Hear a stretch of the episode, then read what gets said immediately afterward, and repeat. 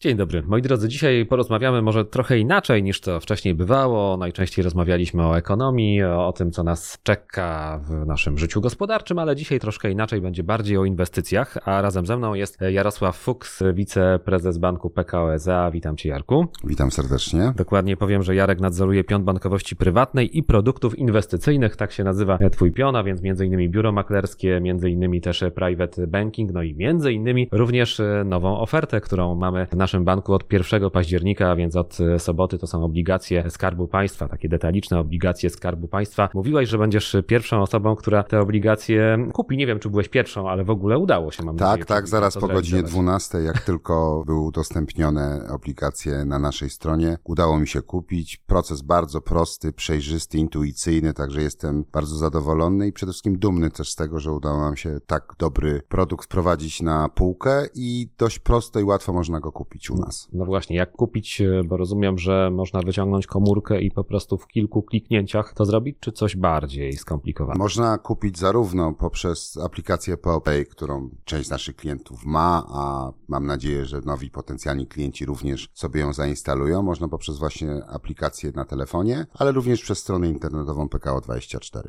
I jest prosta. Jest bardzo prosto. Aż sam jestem trochę zaskoczony, bo myślałem, że proces będzie bardziej skomplikowany. Jest to przejrzysty, bardzo intuicyjny proces proces. Oczywiście na początku trzeba troszeczkę czasu poświęcić na identyfikację, bo jeżeli się nie jest klientem banku PKSA, a ta oferta jest również skierowana do klientów innych banków, gorąco zapraszam, to trzeba po prostu się zarejestrować w systemie, być uwierzytelnionym i wówczas ten zakup jest bardzo prosty. No to niesamowite, czyli nie tylko klienci nasi, nie tylko klienci banku PKSA, ale także inni. Tak mogę tylko podejrzewać, że to jest taka trochę też furtka do zaproszenia tych klientów do nas, żeby skorzystali z tej oferty, a może potem zostali. Tak, tak, oczywiście, oczywiście, że tak. Myślimy o całym rynku, nie myślimy tylko i wyłącznie o naszych klientach, ale zależy nam na tym, żeby tych klientów naszych było jak najwięcej, więc ta oferta, jak wspomniałem wcześniej, jest skierowana do wszystkich klientów, wszystkich banków i tu nam bardzo zależy na tym, aby oni skorzystali z tej oferty przede wszystkim zakupu obligacji, a jeżeli byście się zgodzili, zdecydowali na pozostanie z nami dłużej, to oczywiście skorzystali z całej oferty banku, która uważam jest bardzo interesująca. W ogóle obligacje w ostatnim czasie to chyba taki e, ciekawy temat. One stały się w tym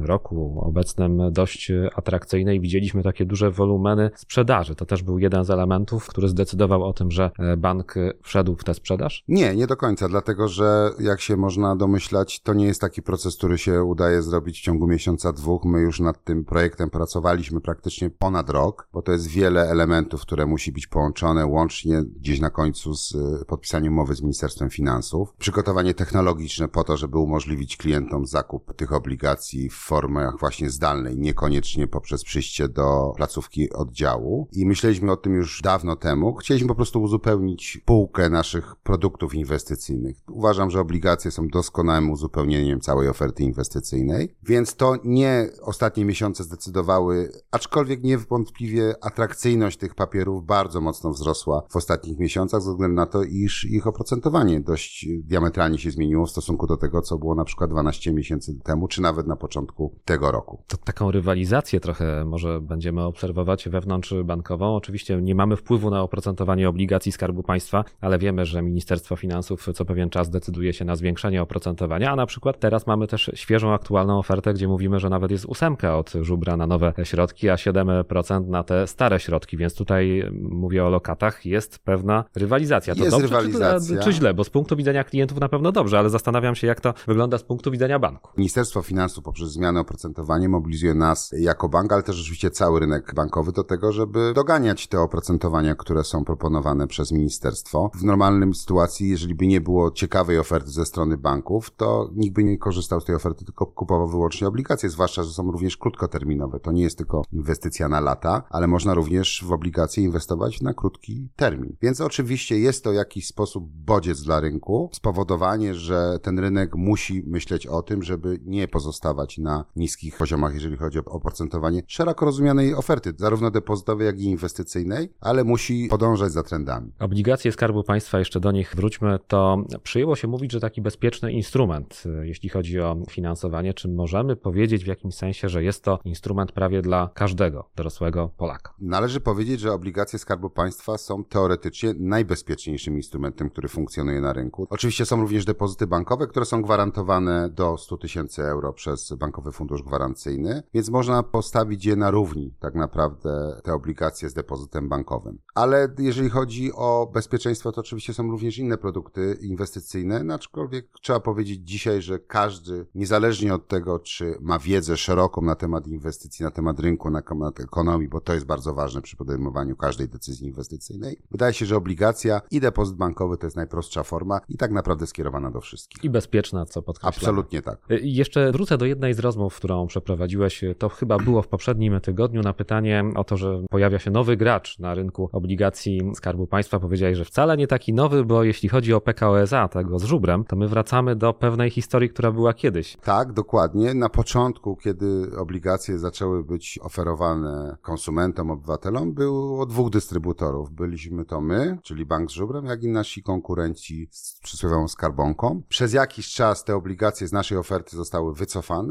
ale no dzięki działaniu naszemu i wsparciu ze strony Ministerstwa Finansów udało się przywrócić obligacje na naszą półkę i możemy je od poprzedniej soboty oferować klientom. No to zapraszamy w takim razie do kanałów zdalnych, zarówno aplikacja mobilna, jak i strona internetowa Bankowość Elektroniczna. Szczegóły wraz z takim krótkim filmem instruktażowym, bo on nie musi być długi, żeby zrozumieć, jak to łatwo dokonać tego zakupu, znajdziecie na naszej stronie internetowej bankowej pko.com.pl. Jarek potwierdza. Tak jest, potwierdzam. Bardzo intuicyjny proces, prosty. Filmy w bardzo ciekawy sposób pokazują, jak to zrobić, żeby móc się zarejestrować w systemie, aby być zidentyfikowanym, a następnie kupić te obligacje. To w takim razie polecamy naszą nową ofertę, tym razem o obligacjach Skarbu Państwa. Rozmawialiśmy w PKO-nomii, a naszym gościem był Jarek Fuchs, wiceprezes zarządu banku PKO SA. Bardzo dziękuję Jarku. Dziękuję bardzo.